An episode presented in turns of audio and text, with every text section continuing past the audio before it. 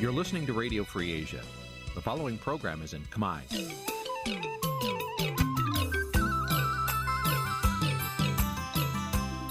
Nǐ chi càm bi tiệp xáy vệt chiu a zì sê ray នេះជាកម្មវិធីផ្សាយរបស់ Vithu Azisari ជាភាសាខ្មែរ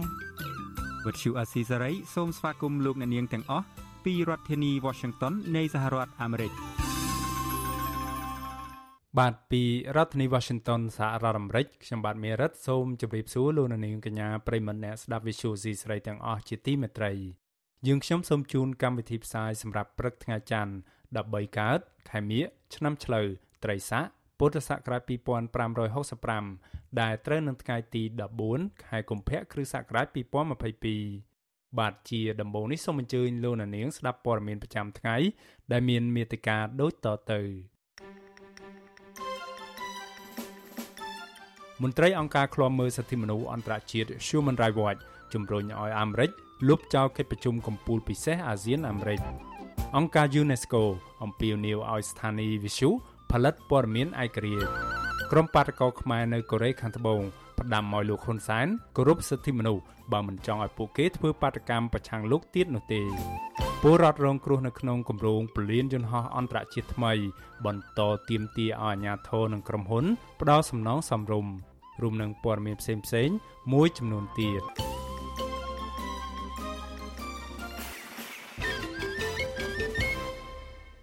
បាទជាបន្តទៅទីនេះខ្ញុំបាទមេរិតសូមជូនព័ត៌មានទាំងនេះពិស្ដាបាទលោកនាងប្រិមម្នាក់ស្ដាប់ជាទីមេត្រី អង្គការវប្បធម៌វិទ្យាសាស្ត្រនិងអប់រំរបស់អង្គការសហប្រជាជាតិហៅកាត់ថា UNESCO ជំរុញឲ្យអ្នកធ្វើសេចក្តីសម្រេចចិត្តធានានូវសិទ្ធិទទួលបានព័ត៌មានតាមវិទ្យុនិងលើកទឹកចិត្តដល់គ្រប់ស្ថានីយ៍វិទ្យុទាំងអស់ឲ្យផលិតព័ត៌មានឯករាជ្យដែលអាចជឿទុកចិត្តបាន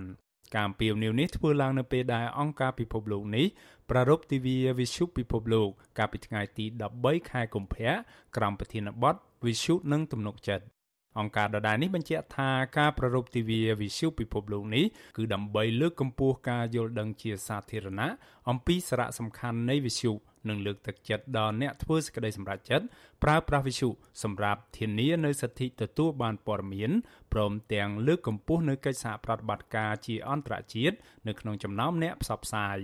អង្គការនេះបានលើកទឹកចិត្តនៅចំណុចសំខាន់សំខាន់ចំនួន3សម្រាប់អ្នកផលិតព័ត៌មានតាមវិទ្យុ ក្នុងនោះរួមមានដូចជាការផ្តល់ព័ត៌មានទៅគ្រប់ក្រុមមនុស្សទាំងអស់ការផលិតព័ត៌មានឯករាជ្យនិងគុណភាពល្អដែលសំដៅដល់ការគោរពក្រមសីលធម៌ផ្ដល់ព័ត៌មានពិត ដែលឈរនៅលើអត្ថប្រយោជន៍សាធារណៈ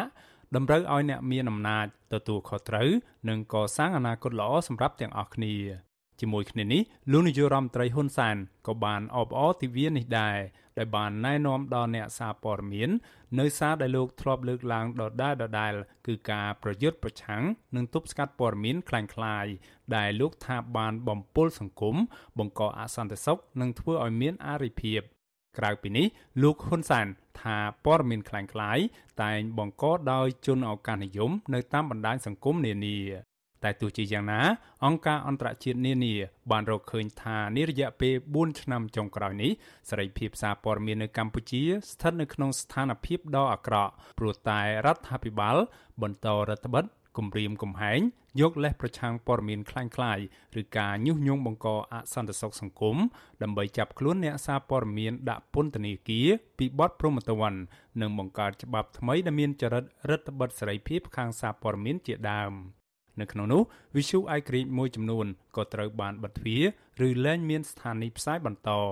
អង្គការសង្គមស៊ីវិលនិងក្រុមអ្នកសារព័ត៌មានឯករាជ្យស្នើយ៉ាងទទូចដល់រដ្ឋាភិបាលលោកហ៊ុនសានឲ្យបញ្ឈប់ការធ្វើទុកបុកម្នេញទាំងនេះនិងងាកមកគោរពសេរីភាពសារព័ត៌មានឡើងវិញបាឡូណានៀងប្រិមម្នាក់ស្ដាប់ជាទីមេត្រីមន្ត្រីអង្គការឃ្លាំមើលសិទ្ធិមនុស្សអន្តរជាតិ Human Rights Watch ជំរុញឲ្យអាមេរិក លុបចោលកិច្ចប្រជុំកំពូលពិសេសអាស៊ានអាមេរិកដែលគ្រោងនឹងធ្វើនៅរដ្ឋធានី Washington នាពេលខាងមុខនេះមន្ត្រីរូបនោះថាសហរដ្ឋអាមេរិកគួរតែធ្វើដូច្នេះដោយសារតែក្រុមមេដឹកនាំអាស៊ានមួយចំនួននៅក្នុងនោះក៏រួមមានទាំងមេដឹកនាំកម្ពុជាលោកនាយករដ្ឋមន្ត្រីហ៊ុនសែនផង មិនស័ក្តិសមនឹងទទួលបាននឹងការស្វាគមន៍នៅសេតាវិមានប្រធានាធិបតីអាមេរិកនោះទេដោយសារតែពួកគេមានប្រវត្តិរំលោភសិទ្ធិមនុស្ស នាយករងប្រចាំតំបន់អាស៊ីនៃអង្គការ Human Rights Watch លោក Phil Robertson ប្រាប់វិសុយស៊ីស្រីតាមសារអេឡិចត្រូនិកកាលពីពេលថ្មីៗនេះថា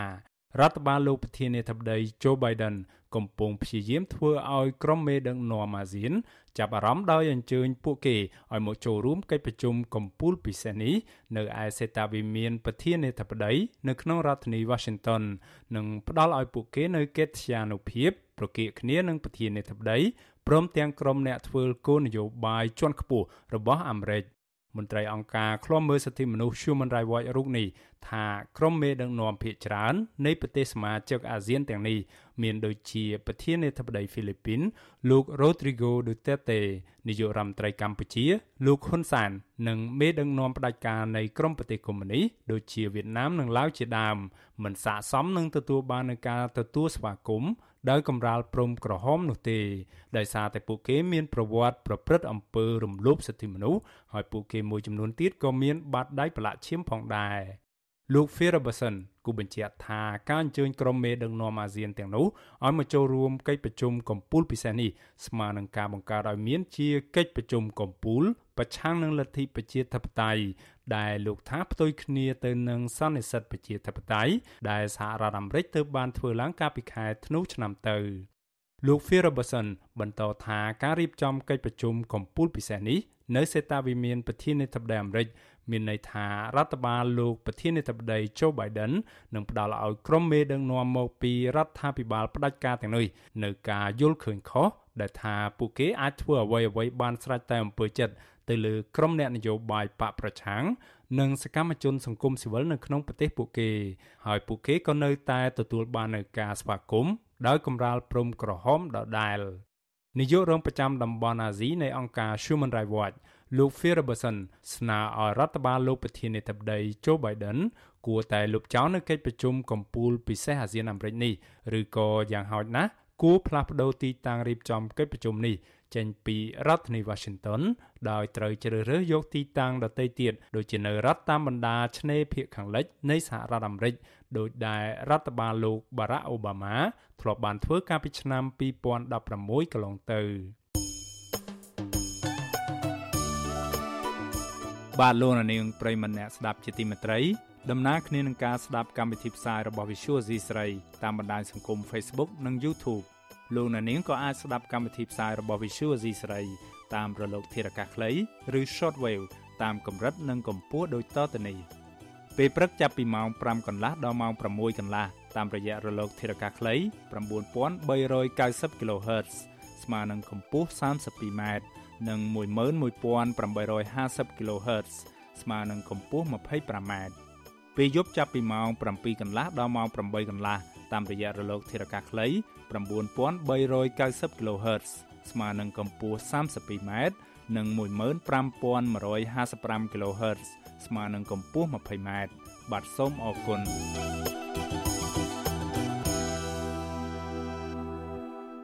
បាទលោកនាងប្រិមម្នាក់ស្ដាប់ជាទីមេត្រីព័ត៌មានតកតងនឹងរឿងរ៉ាវដែលលោកនាយករដ្ឋមន្ត្រីហ៊ុនសានទៅទទួលពានរង្វាន់សន្តិភាពដែលពិភពលោកមិនសូវស្គាល់ឈ្មោះវិញម្ដង បាត់សកម្មជនគណៈបកសង្គ្រោះជាតិនៅប្រទេសកូរ៉េខាងត្បូងបន្តនាំគ្នាធ្វើបាតកម្មប្រឆាំងនឹងវត្តមានលោកនាយរដ្ឋមន្ត្រីហ៊ុនសាននៅក្នុងថ្ងៃចុងក្រោយ នៃពិធីទទួលពានរង្វាន់សន្តិភាពសុនហាពួកគាត់ផ្ដាំឲ្យលោកហ៊ុនសានងាកមកគោរពសិទ្ធិមនុស្សនិងដោះលែងអ្នកនិយមប្រជាធិបតេយ្យទាំងអស់បើមិនចង់ឲ្យមានបាតកម្មប្រឆាំងលោកនាពេលក្រោយៗទៀតនោះទេ បាទពីរដ្ឋធានី Washington លោកមួងណារ៉េតរាយការណ៍ព័ត៌មាននេះ ពលករនិងជាសកម្មជនបកប្រឆាំងអះអាងថាការធ្វើបាតកម្មប្រឆាំងវត្តមានលោកហ៊ុនសែននៅកូរ៉េខាងត្បូងទទួលបានជោគជ័យនិងមានការយកចិត្តទុកដាក់ពីអាជ្ញាធរកូរ៉េ អ្នកនាំពាក្យចលនាប្រជាធិបតេយ្យនៃគណៈបកសង្គ្រោះជាតិប្រចាំនៅប្រទេសកូរ៉េខាងត្បូងលោកម៉ាត់វ៉ានីបញ្ជាក់ថាអាញាធរបានអនុញ្ញាតឲ្យតំណាងពលករមកពីតំបន់ផ្សេងគ្នានៅកូរ៉េខាងត្បូងប្រមាណ30ទៅ40នាក់បានជួបជុំគ្នានៅចំកណ្ដាលទីក្រុងសេអ៊ូលហើយលើកបដាហែក្បួនស្រែកតវ៉ាប្រឆាំងលោកហ៊ុនសែនពេញមួយថ្ងៃទី13ខែកុម្ភៈលោកបន្តថាក្រមពលករបានស្រែកថ្កោលទោសលោកហ៊ុនសែនចំពោះទង្វើរំលោភសិទ្ធិមនុស្សនិងបំផ្លាញប្រជាធិបតេយ្យធ្ងន់ធ្ងរ បន្ថែមពីនេះពួកគាត់ក៏បានចំអកថាពានរង្វាន់សន្តិភាពរបស់លោកហ៊ុនសែนគឺជាពានរង្វាន់คล้ายคล้ายនិងជាការរៀបចំព្រឹត្តិការណ៍បំភាន់ភ្នែកនិងធ្វើប្រជាពិធដ្ឋបោកប្រជាពលរដ្ឋតែប៉ុណ្ណោះ ទោះបីជាលោកហ៊ុនសែនពេលនេះមិននៅទឹកដីកូរ៉េឬក៏គាត់ធ្វើត្រឡប់ទៅខ្មែរវិញក៏ដោយសូមឲ្យលោកមេត្តាពិចារណាងាកគោរពនៅសិទ្ធិមនុស្សហើយនឹងនាំតាមបែបបទលទ្ធិប្រជាធិបតេយ្យវិញទៅបើសិនបើលោកចង់ឲ្យប្រទេសជាតិមានការរីកចម្រើនកុំធ្វើនយោបាយប្រជាពិធច្រើនពេកជាពិសេសអារឿងយកពានរង្វាន់ស្អីនេះគឺជានយោបាយប្រជាពិធជប់បោកប្រាស់ប្រជារាស្ត្រទៅ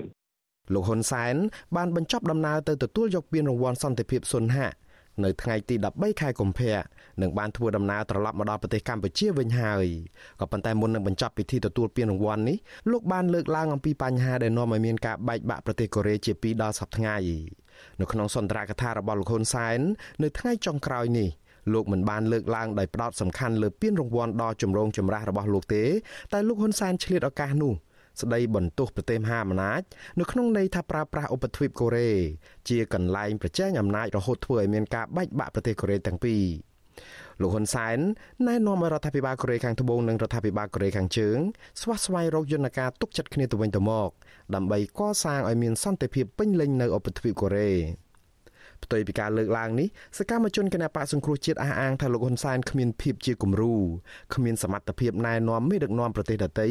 និងស័ក្តិសមចំពោះការទទួលបានពានរង្វាន់បែបប្រជាពិធដ្ឋពីព្រោះលោកគឺជាមេដឹកនាំចូលចិត្តបង្កសង្គ្រាមដោយចាត់ទុកពូជសាសន៍ខ្មែរឯងជាសត្រូវ ដូចគ្នានេះដែរអ្នកខ្លំមើលសង្គមយល់ថាលោកហ៊ុនសែនមិនសមនឹងទទួលបានពានរង្វាន់សន្តិភាពអ្វីនោះទេព្រោះបញ្ហាប្រឆានៅក្នុងចំណោមអ្នកនយោបាយខ្មែរលោកមិនអាចផ្សះផ្សាបានផង មានតែបំបែកនឹងធ្វើទុកបុកម្នេញពួកគេឥតស្រាកស្រានអ្នកជំនាញផ្នែកវិទ្យាសាស្ត្រនយោបាយលោកអែមសវណ្ណារាថាកម្ពុជាមិនទាន់អាចចាត់ទុកថាជាប្រទេសដែលមានសន្តិភាពពេញទីបានទេព្រោះរដ្ឋាភិបាលនៅតែបន្តការបង្ក្រាបនិងចាប់ឃុំខ្លួនអ្នកនិយមប្រជាធិបតេយ្យដាក់ពន្ធនាគារ ទោះជាយ៉ាងនេះក្តីលោកយល់ថាដំណើររបស់មេដឹកនាំកម្ពុជាទៅកូរ៉េលើកនេះមានផលប្រយោជន៍ខ្លះដែរតាមរយៈជំនួបលោកហ៊ុនសែនជាមួយមេដឹកនាំកូរ៉េស្តីពីពាណិជ្ជកម្មនិងការទូតចំណែកឯពានរង្វាន់សុនហៈនោះវិញលោកអែមសវណ្ណារាមើលឃើញថាពាននោះមិនមានតម្លៃសម្រាប់សន្តិភាពពិតប្រាកដទេហើយក៏មិនអាចតាក់ទាញទឹកចិត្តពលរដ្ឋបានដែរ គេហៅថារោគផ្ដាច់ការពារសន្តិភាពនោះគ្រាន់តែជារូបភាពជាលំលែមួយទេបើយើងនិយាយទៅព្រោះដើម្បីការពារសន្តិភាពនឹងអង្ការតែអ្នកមានមតិរិះគន់ការប្រឆាំងអីហ្នឹងនៅក្នុងក្របខ័ណ្ឌប្រជាធិបតេយ្យត្រូវបានឃុំខ្លួនគាត់ខ្លួនតែវាអត់មានសន្តិភាពសម្រាប់ពលរដ្ឋកម្ពុជាពេញលេញទេជំវិញពានរង្វាន់របស់ស្ថាប័នឯកជនដែលបង្កើតឡើងដោយប្តីប្រពន្ធជនជាតិកូរ៉េ2នាក់នេះដែលខុសពីពានរង្វាន់របស់ស្ថាប័នអន្តរជាតិ ឬពិភពលោកសម្រាប់ប្រគល់ជូនបុគ្គលឆ្នាំដូចជាពានរង្វាន់ Nobel សន្តិភាពជាដើមនោះមន្ត្រីជាន់ខ្ពស់គណៈបកប្រឆាំងឯនោះទៅវិញលោកថាវាគ្មានតម្លៃអ្វីទាំងអស់និងជាការអាម៉ាស់ទៅវិញសម្រាប់លោកហ៊ុនសែន។ ប្រធានស្ដីទីគណៈបកសង្គ្រោះជាតិលោកសំរងស៊ីអះអាងថាពានរង្វាន់ដែលលោកហ៊ុនសែនទទួលបាននេះគឺជាពានរង្វាន់ឈួតឈួតព្រោះស្ថាបនិកនៃអង្គការសហព័ន្ធសន្តិភាពសកលគឺប្តីប្រពន្ធជនជាតិកូរ៉េខាងត្បូងពីរនាក់គឺលោកស៊ុនយុងមូននិងអ្នកស្រីហាក់ចាហាន់មូនគឺជាក្រុមមនុស្សឆោបោកនិងមនុស្សមិនគ្រប់ទឹកមេបកប្រឆាំងរូបនេះក៏សង្ស័យថាលោកហ៊ុនសែនទំនងជាបង្ខំព្រះមហាក្សត្រខ្មែរឲ្យអបអរសាទរពានរង្វាន់បែបនេះដែរ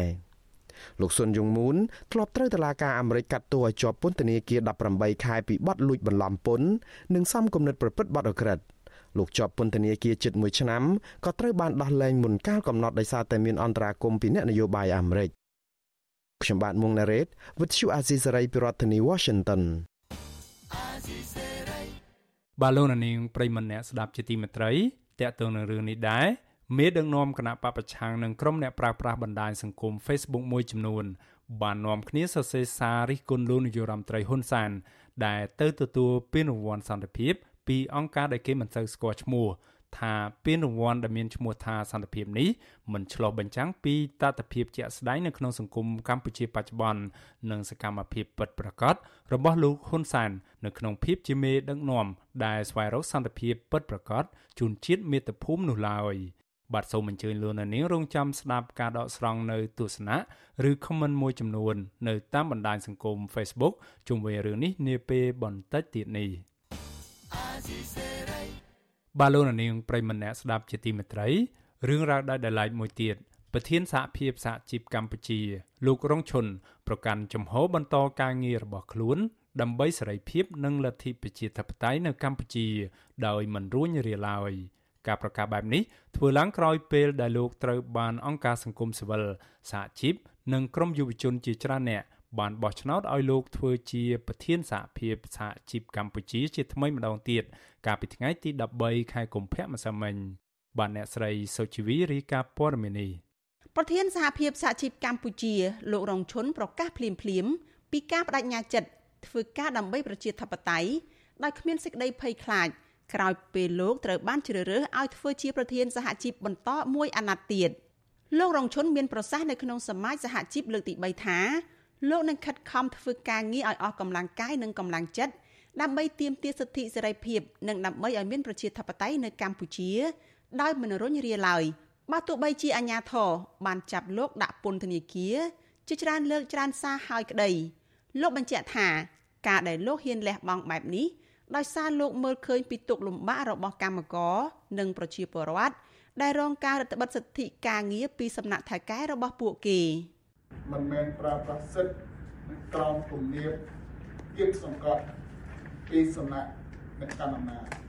ហើយអ្នកកាន់អំណាចកំពុងតែដើរផ្ទុយផ្ទុយទៅនឹងអ្វីដែលបានសន្យាមុនពេលបោះឆ្នោតផ្ទុយទៅនឹងអ្វីដែលមានចែងនៅក្នុងរដ្ឋធម្មនុញ្ញ កម្ពុជាយើងដែលជាច្បាប់កម្ពុជានៅពេលដែលបោះឆ្នោតចិត្តមកដល់គាត់ដើរសំពះអង្វរគាត់ចាត់ទុកថាខ្លួនគាត់ជាអ្នកបម្រើរាជប៉ុន្តែដល់ពេលគាត់បានអំណាចផ្លិចអ្វីដែលគាត់និយាយមុនពេលបោះឆ្នោតមិនទៅជាអ្នកបម្រើរាជទៅជាអ្នកវាយរាជលោករងឈុនប្រកាសបែបនេះទៅក្នុងពិធីសមាជសហជីពលើកទី3ធ្វើឡើងនៅរាជធានីភ្នំពេញកាលពីព្រឹកថ្ងៃទី3ខែកុម្ភៈពិធីនេះ មានមន្ត្រីរាជការតំណាងសង្គមស៊ីវិល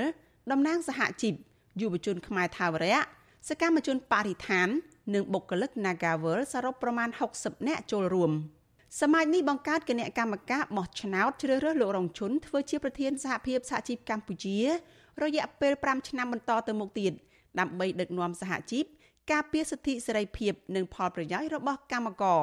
ក្រៅពីនេះក្រុមអង្គការសង្គមស៊ីវិលទាំងនោះក៏បានចេញរបាយការណ៍ស្ដីពីសកម្មភាពរបស់សហជីពកម្ពុជារយៈពេល9ឆ្នាំគឺចាប់ពីឆ្នាំ2013ដល់ឆ្នាំ2021ដែរក្នុងនោះបានរំលឹកពីវីរភាពរបស់លោកជាវិជាអតីតប្រធានសហជីពសេរីកម្មករដែលបានលះបង់ជីវិតដើម្បីតស៊ូដំឡើងប្រាក់ខែដល់កម្មករគ្រូបង្រៀនមន្ត្រីរាជការនិងប៉ូលីសផងដែរតកតទៅនឹងបញ្ហានេះប្រធានអង្គភិបអ្នកណែនាំពាក្យរដ្ឋាភិបាលលោកផៃស៊ីផាន ប្រាប់វិទ្យុអាស៊ីសេរីថាលោកមិនចាប់អារម្មណ៍នឹងការបដិញ្ញារបស់លោករងឈុននោះទេព្រោះលោកថាមិនយល់ពីគោលការណ៍របស់សហជីពមួយនេះខ្ញុំអត់យល់អំពីអេសកម្មភាពការងាររបស់សហជីពព្រោះអត់ដឹងបើជាតិចក្នុងសហជីពដែលគាត់ទទួលខុសត្រូវហ្នឹងមិនដឹងគាត់ជាសកម្មជននយោបាយក្នុងការកសាងលទ្ធិប្រជាធិបតេយ្យ ឬគាត់ជាសកម្មជនក្នុងកិច្ចការពីផលប្រយោជន៍កម្មករអានឹងជារឿងចម្ងល់របស់ខ្ញុំមិនគាត់ឈរនៅកន្លែងតាណាមួយពួកពីរនឹងពិបាកឈរជាមួយគ្នាណាស់បាទទោះជាយ៉ាងណា ប្រធានសមាគមប្រជាធិបតេយ្យឯករាជ្យនៃសេដ្ឋកិច្ចក្រៅប្រព័ន្ធហៅកាត់ថា idea លោកវ៉ុនពៅដែលចូលរួមនៅក្នុងពិធីនោះថ្លែងថា លោករងឈុនគឺជាវីរៈជនខ្មែរដ៏ឆ្នើមម្នាក់ដែលហ៊ានលះបង់ពេលវេលាផ្ទាល់ខ្លួនដើម្បីផលប្រយោជន៍ជាតិធំធេង ជាពិសេសគឺតែងតែការពារសិទ្ធិសេរីភាពរបស់កម្មករលោកបន្តថាកន្លងមកលោករងឈុនតែងតែចេញសេចក្តីថ្លែងការណ៍ធ្វើសន្និសីទកាសែតការពារសិទ្ធិរបស់កម្មករដោយមិនគិតពីការនឿយហត់ដែលពុំមានប្រធានសហជីពរបស់រដ្ឋាភិបាលណាម្នាក់ហ៊ាននិយាយបញ្ហាសង្គមដោយលោកនោះទេខ្ញុំហ៊ាននិយាយថានៅទីនេះគឺមានតែលោកគ្រូរងឈុនតែមួយគត់ដែលលះបង់កិច្ចការលះបង់សេចក្តីសុខផ្ទាល់ខ្លួនរបស់គាត់ សម្រាប់កម្មករសម្រាប់ប្រជាជាតិខ្មែរទាំងមូលខ្ញុំមានការភ្ញាក់ផ្អើលដែលយើងទាំងអស់គ្នាទៅទទួលលោកគ្រូគាត់ថាកាលណាយើងឈប់ខ្លាចគុកគឺគេលែងធ្វើបាបយើងទៀតហើយអានេះវាជាការដាស់តឿនជាការពង្រឹងស្មារតីរបស់ប្រជាពលរដ្ឋជាពិសេសសកម្មជនទាំងអស់ឲ្យមានស្មារតីរឹងមាំតស៊ូដើម្បីជាតិដើម្បីសង្គមតស៊ូដើម្បីកម្មករ ចាប់តាំងពីបង្កើតសហជីពនៅក្នុងឆ្នាំ2006មកលោករងឈុនបានជាប់ជាប្រធានសហភាពសហជីពកម្ពុជាចំនួន3លើកមកហើយដោយលើកចុងក្រោយនេះលោកធ្វើជាប្រធានចាប់ពីឆ្នាំនេះរហូតដល់ឆ្នាំ2027លោករងឈុនត្រូវបានអាជ្ញាធរចាប់ដាក់ពន្ធនាគារព្រៃសរចំនួន2លើកពាក់ព័ន្ធការរិះគន់បញ្ហាព្រំដែនកម្ពុជាវៀតណាមដោយលើកទី1នៅក្នុងឆ្នាំ2005និងលើកទី2ជាប់រយៈពេលជាង1ឆ្នាំចាប់ពីខែកក្កដាឆ្នាំ2020 ដល់ចុងឆ្នាំ2021ក្នុងនាមប្រធានសហភាពសហជីពកម្ពុជាកន្លងមកលោកតែងតែចេញមុខចូលរួមជាមួយនឹងក្រុមកម្មការជាច្រើនលើកច្រើនសារហើយថ្មីថ្មីនេះលោករងឈុនបានចេញសេចក្តីថ្លែងការណ៍ទាមទារឲ្យតុលាការដោះលែងបុគ្គលិក Nagavel ពីពន្ធនាគារដោយឥតមានលក្ខខណ្ឌនិងស្នើឲ្យភាគីក្រុមហ៊ុននេះដោះស្រាយបញ្ហាបញ្ចប់វិវាទជាមួយក្រុមកម្មករនេះខ្ញុំសុជីវីវិទ្យុអាស៊ីសេរីពីរដ្ឋធានី Washington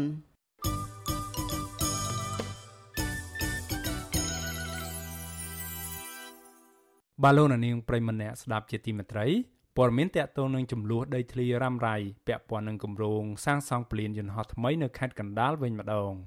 បាទពលរដ្ឋបន្តទៀមទាឲ្យអាជ្ញាធរនឹងក្រុមហ៊ុន OCIC នៅក្នុងគម្រោងសាងសង់ពលានយន្តហោះថ្មីនៅខេត្តកណ្ដាលផ្ដល់សំណងផលប៉ះពាល់ដីធ្លីតាមតម្លៃទីផ្សារ ដើម្បីឲ្យពួកគាត់មានលទ្ធភាពទិញដីផ្ទះសម្បែងនិងដីស្រែនៅទីតាំងថ្មី ដែលអាចប្រកបរបរចិញ្ចឹមជីវិតរស់នៅបានសមរម្យក៏ប៉ុន្តែអភិបាលខេត្តកណ្ដាលថាអាញាធរនៅតែរក្សាជំហរដូចដើមដែលអះអាងថាសំណងផលប៉ះពាល់ផ្ដោតជូនពលរដ្ឋកន្លងទៅ គឺជារឿងសមហេតុផលនិងយុត្តិធម៌ពលរដ្ឋដែលរងផលប៉ះពាល់ដីស្រែនិងផ្ទះសម្បែង ពីគម្រោងវិនិយោគសាងសង់ពលានយន្តហោះថ្មីនៅខេត្តកណ្ដាលនិងខេត្តតាកែវនៃក្រុមហ៊ុន OCIC របស់អង្គការពងខៀវសែបន្តបដិសេធមិនព្រមទទួលយកសំណងដីធ្លីនិងការដោះដូរទីតាំងថ្មីដែលមិនសមរម្យនោះទេអ្នកភូមិចាត់ទុកការដោះស្រាយបែបនេះថាគឺជារឿងអយុត្តិធម៌ដោយសារការផ្ដោតសំណងថោកជាងតម្លៃទីផ្សារដែលអាចទទួលយកបាន ហើយទន្ទឹមនឹងនេះ ពួកគាត់ក៏ត្រូវរងនឹងការគំរាមកំហែងនិងការធ្វើទុកបុកម្នេញលើអ្នកដែលហ៊ានងើបតវ៉ាដើម្បីបង្ខំឲ្យពួកគាត់ទទួលយកសំណងទាំងមិនសមរម្យជាបន្តបន្ទាប់ពលរដ្ឋនៅភូមិតាឡុងឃុំបឹងខ្ចាងលោកស្រីខឹមចត្រាថ្លែងថាការដោះស្រាយរបស់អាជ្ញាធរផ្ដល់សំណងដល់ពលរដ្ឋទាំងអស់មិនបានសមរម្យនោះទេ ដោយសារតែភាគីក្រុមហ៊ុននិងអាជ្ញាធរនៅតែកំណត់តម្លៃដី ត្រឹមតែ8ដុល្លារនៅក្នុង1ម៉ែត្រការ៉េ ដែលទាបជាងតម្លៃទីផ្សារបច្ចុប្បន្នលោកស្រីបន្តថាសំណងបន្តិចបន្តួចបែបនេះមិនអាចឲ្យពលរដ្ឋយកទៅទិញដីលំនៅឋានឬដីស្រែបាននោះទេព្រោះបច្ចុប្បន្នតម្លៃដីនៅតំបន់ក្បែរនោះមានចន្លោះពី80ដុល្លារទៅ100ដុល្លារនៅក្នុង1ម៉ែត្រការ៉េលោកស្រីស្នើដល់អាជ្ញាធរពាក់ព័ន្ធរកដំណោះស្រាយសមរម្យឲ្យពលរដ្ឋទទួលយកបាន ដើម្បីឲ្យពួកគាត់អាចមានលទ្ធភាពទិញដីនៅកន្លែងថ្មីសម្រាប់ប្រកបរបរធ្វើស្រែចម្ការចិញ្ចឹមគ្រួសារ។ នេះស្រុកកំណើតខ្ញុំធ្លាប់រស់នៅស្រួលមើលខ្ញុំធ្វើស្រែមុខរបរខ្ញុំធ្វើតែស្រែអញ្ចឹងអត់មានធ្វើអីខុសពីនឹងទេមួយឆ្នាំមួយឆ្នាំខ្ញុំធ្វើតែស្រែទេហើយគាត់ឲ្យខ្ញុំទៅនៅនោះឲ្យតែដីផ្ទះហ្នឹងហើយដីស្រែអត់មានខ្ញុំទៅរស់នៅយ៉ាងម៉េចកើតខ្ញុំមិនអាចរស់បានទេហើយមិនអាចទទួលយកបានទេតម្លៃដែលគាត់ឲ្យនោះវាថោកពេកថោកជាងទីផ្សារឆ្ងាយណាស់ស្រដៀងគ្នានេះដែរពលរដ្ឋម្នាក់ទៀតលោកទួនវណ្ណៈប្រវិសុយស៊ីសេរីថាអាញាធរកំពុងដាក់ពង្រាយកងកម្លាំងជាច្រើនអ្នក ការពីគ្រឿងចាក់របស់ក្រុមហ៊ុន ដែលកំពុងឈូសឆាយដីស្រែរួមទាំងគម្រាមកំហែងចាប់ខ្លួនពលរដ្ឋណាដែលហ៊ានចេញតវ៉ាទៀតផងលោកថាបច្ចុប្បន្នប្រជាពលរដ្ឋកំពុងប្រឈមទៅនឹងការបណ្តេញចេញដោយបង្ខំឲ្យទទួលយកសំណងតិចតួច និងបង្ខំឲ្យដោះដូរទីតាំងដីថ្មី ដែលពលរដ្ឋតែងតែបដិសេធចំពោះដំណោះស្រាយមិនសមហេតុផលបែបនេះលោកបញ្ជាក់ថាពលរដ្ឋរងផលប៉ះពាល់ មិនជំទាស់ទៅនឹងគម្រោងអភិវឌ្ឍពលានយន្តហោះថ្មីរបស់រដ្ឋាភិបាលនោះទេក៏ប៉ុន្តែពួកគេចង់បានដំណោះស្រាយត្រឹមត្រូវដែលអាចទទួលយកបានលោកថាក្រោយពីមានគម្រោងអភិវឌ្ឍកន្លងមកនេះពលរដ្ឋដែលរងផលប៉ះពាល់ជួបនៅទុក្ខលំបាកនិងរងនៅសម្ពាធទាំងផ្លូវកាយនិងផ្លូវចិត្តគ្មានដីស្រែបង្កបង្កើនផល ដែលធ្វើឲ្យពួកគាត់មានជីវភាពគ្រួសារកាន់តែដុនដាបដាក់តែកម្លាំងមកការពារគ្រឿងចាក់ឈូសឆាយបន្តិចដល់អ្នកណាហ៊ានតវ៉ាចាប់អ្នកនឹង សំបីតែប្រជាពលរដ្ឋគាត់យំគាត់ស្ដាយស្រូវគាត់គាត់ទៅថតក៏គេចាប់គាត់យកទូរស័ព្ទទៅលុបចោលអស់ហើយការអភិវឌ្ឍដោយរំលោភលើសិទ្ធិប្រជាពលរដ្ឋមានការតូចចិត្តហើយមានការព្រួយបារម្ភទៅថ្ងៃអនាគតមានកូនមានចៅហើយមិនដឹងជាទៅទីពឹងអីពួកខ្ញុំរស់ដោយសារស្រូវធ្វើស្រែដោយសារដីហ្នឹងឆ្លើយតបនឹងរឿងនេះអភិបាលខេត្តកណ្ដាលលោកគង់សុភ័ណ្ឌប្រវិសុយស៊ីសេរីថាអាជ្ញាធរខេត្តនិងក្រសួងពាក់ព័ន្ធ នៅតែរក្សាជំហរដោះស្រាយសំណងជូនពលរដ្ឋដែលរងផលប៉ះពាល់ពីគម្រោងអភិវឌ្ឍប្រលានយន្តហោះចំនួន8ដុល្លារនៅក្នុង1ម៉ែត្រការ៉េឬដោះដូរទីតាំងថ្មីនៅចំណុចស្រុកមួយចំនួននៅក្នុងខេត្តកណ្ដាលនិងខេត្តតាកែវហើយលោកអះអាងថាដំណោះស្រាយបែបនេះធ្វើឡើងដោយយុត្តិធម៌និងសមហេតុផលលោកគង់សុភ័ណ្ឌឲ្យដឹងដែរថាគម្រោងសាងសង់ព្លានយន្តហោះថ្មីនេះមានពេលវេលាកំណត់ត្រឹមត្រូវដោយមិនអាចបញ្ឈប់បាននោះទេ លោកបន្តថាការដាក់ពង្រាយកងកម្លាំងការពារគ្រឿងចាក់ឈូសឆាយដីស្រែដែលអាជ្ញាធរហាមឃាត់ដាំដុះកន្លងទៅ គឺជាបេសកកម្មរបស់រដ្ឋដើម្បីទប់ស្កាត់ពលរដ្ឋណាដែលឆ្លៀតឱកាសប្រព្រឹត្តខុសច្បាប់ហើយមិនមែនជាការគំរាមកំហែងនោះទេ គាត់ថាឲ្យបញ្ឈប់សកម្មភាពការសាងសង់ជាគុណប្រយោជន៍ជាតិទាំងមូលយើងអត់អាចធ្វើបានទេតែដំណោះស្រាយនៅតែមាននៅតែទទួលយកអត់បោះបង់ចោលបងប្អូនប្រជាជនទេប៉ុន្តែគ្រាន់តែសំណូមពរគាត់ថាសូមឲ្យចូលរួមជួយឲ្យយល់ចិត្តថារដ្ឋាភិបាលថាខេត្តទៅការអភិវឌ្ឍចំណុចនេះហើយការដោះស្រាយនេះក៏សមហេតុផលហើយបាទមិនទុកឲ្យបងប្អូនប្រជាជនលំបាកទេទាំងទីតាំងទាំងភូមិសាស្ត្រទាំងសក្តានុពល គម្រោងអភិវឌ្ឍពលានយន្តហោះថ្មីនៅលើផ្ទៃដីជិត3000ហិកតានេះមានភាពចម្រូងចម្រាសតាំងពីដើមមកដោយសារអាជ្ញាធរបានកំណត់តម្លៃដីនៅក្នុង1ម៉ែត្រការ៉េចន្លោះពី3ដុល្លារដល់8ដុល្លារគម្រោងនេះជន់លើដីស្រែពលរដ្ឋយ៉ាងហោចណាស់400គ្រួសារនៅស្រុកកណ្ដាលស្ទឹងខេត្តកណ្ដាលនិងឃុំពុតសនៃស្រុកបាទីខេត្តតាកែវ មន្ត្រីសម្របសម្រួលគម្រោងធុរកិច្ចនិងសិទ្ធិមនុស្សនៃមជ្ឈមណ្ឌលសិទ្ធិមនុស្សកម្ពុជា លោកវ៉ាន់សុផាត មានប្រសាសន៍ថាតាមច្បាប់ត្រូវផ្ដល់សំណងសមរម្យដោយមានការយល់ព្រមពីម្ចាស់អចលនទ្រព្យឬភូគីជាមុនក៏ប៉ុន្តែលោកសង្កេតឃើញថារហូតមកដល់ពេលនេះអាជ្ញាធរនិងក្រុមហ៊ុន នៅតែអនុវត្តវិធានការតឹងរឹងដែលផ្ទុយពីច្បាប់ លោកថាបញ្ហានេះហើយបង្ហាញកាន់តែច្បាស់ថារដ្ឋាភិបាលនិងក្រុមហ៊ុនមិនខ្វល់ខ្វាយពីសុខទុក្ខរបស់ពលរដ្ឋដែលកំពុងបង្ហោះសារនៅលើបណ្ដាញសង្គមបង្ហាញពីទុក្ខលំបាកវេទនារបស់ពួកគេដោយមិនដឹងទៅពឹងពាក់ស្ថាប័នណាមួយដើម្បីស្វែងរកដំណោះស្រាយតទៅទៀតលោកវ៉ាន់សផាតបន្តថាច្បាប់ទប់ស្កាត់ជំងឺ Covid-19 តាមរយៈប្រព័ន្ធតុលាការ ក៏កំពុងក្លាយជាវិធានការគំរាមកំហែងបំបាក់ស្មារតីរបស់ពលរដ្ឋដែលហ៊ានចេញតវ៉ាស្វែងរកដំណោះស្រាយលោកទទូចដល់រដ្ឋាភិបាលនិងក្រុមហ៊ុនគួរបញ្ចប់វិវាទដីធ្លីនេះឲ្យបានឆាប់រហ័សព្រោះការអូសបន្លាយបែបនេះនឹងប៉ះពាល់ដល់ជីវភាពរបស់ពលរដ្ឋ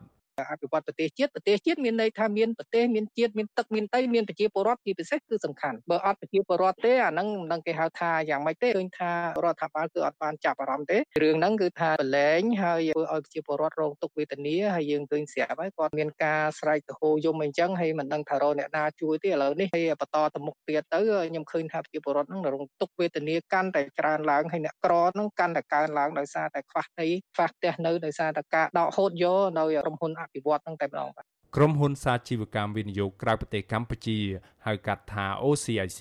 របស់លោកពងខៀសា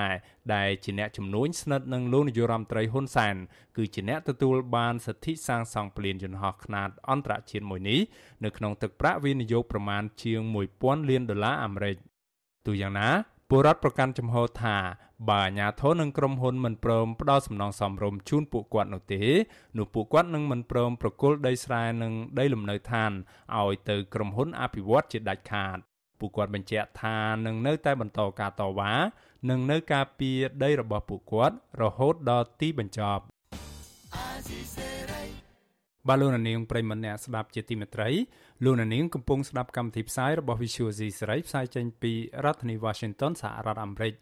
បាទរដ្ឋមន្ត្រីក្រសួងបរិស្ថាន លោកសាយសំអាល់កាលពីថ្ងៃទី13ខែកុម្ភៈម្សិលមិញបានណែនាំដល់មន្ត្រីមន្ទីរបរិស្ថាន មន្ត្រីឧទ្យានុរក្សសហគមន៍និងអាជ្ញាធរពាក់ព័ន្ធឲ្យបន្តរួមសហការគ្នា ការពារដែនជម្រកសត្វព្រៃសង្រកវ័ននិងគូលែនព្រំទេពនៅខេត្តឧត្តរមានជ័យ ទីភ្នាក់ងារសារព័ត៌មានកម្ពុជា AKP បានស្រង់សម្ដីរបស់លោកសាយសំអាល់ដែលបញ្ជាក់ថាការអភិរក្សធនធានធម្មជាតិបានគង់វង្សត្រូវផ្សារភ្ជាប់ទៅនឹងការបង្កើតសេដ្ឋកិច្ចនៅមូលដ្ឋាន ដោយជំរុញការចិញ្ចឹមសត្វនិងអភិវឌ្ឍទេសចរធម្មជាតិជាដើម